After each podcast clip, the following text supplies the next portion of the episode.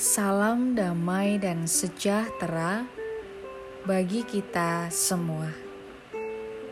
Saudara yang terkasih, hari ini kita akan bersama-sama merenungkan firman Tuhan yang diambil dari Ayub 6 ayat 15 sampai 18.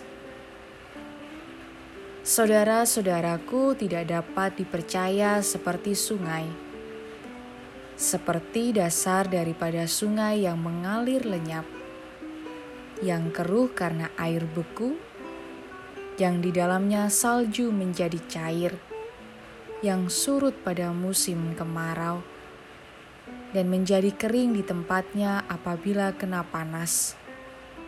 Berkeluk-keluk jalan arusnya, mengalir ke padang tandus, lalu lenyap kecewa. Kecewa adalah perasaan yang muncul karena sesuatu yang dialami tidak sesuai dengan apa yang dibayangkan.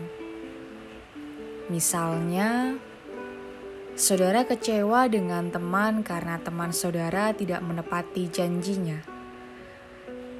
Padahal, saudara mengharapkan betul apa yang ia janjikan timbullah rasa kecewa.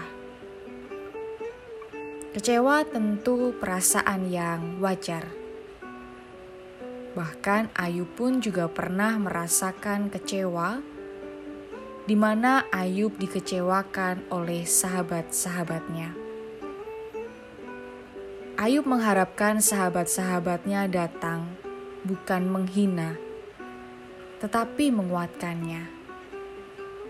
Bukannya mereka menguatkan Ayub, justru mereka menghina Ayub dengan anggapan bahwa Ayub mendapatkan karma atas perbuatannya.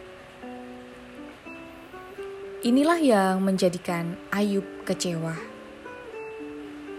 Ia sangat sedih dengan kelakuan sahabatnya.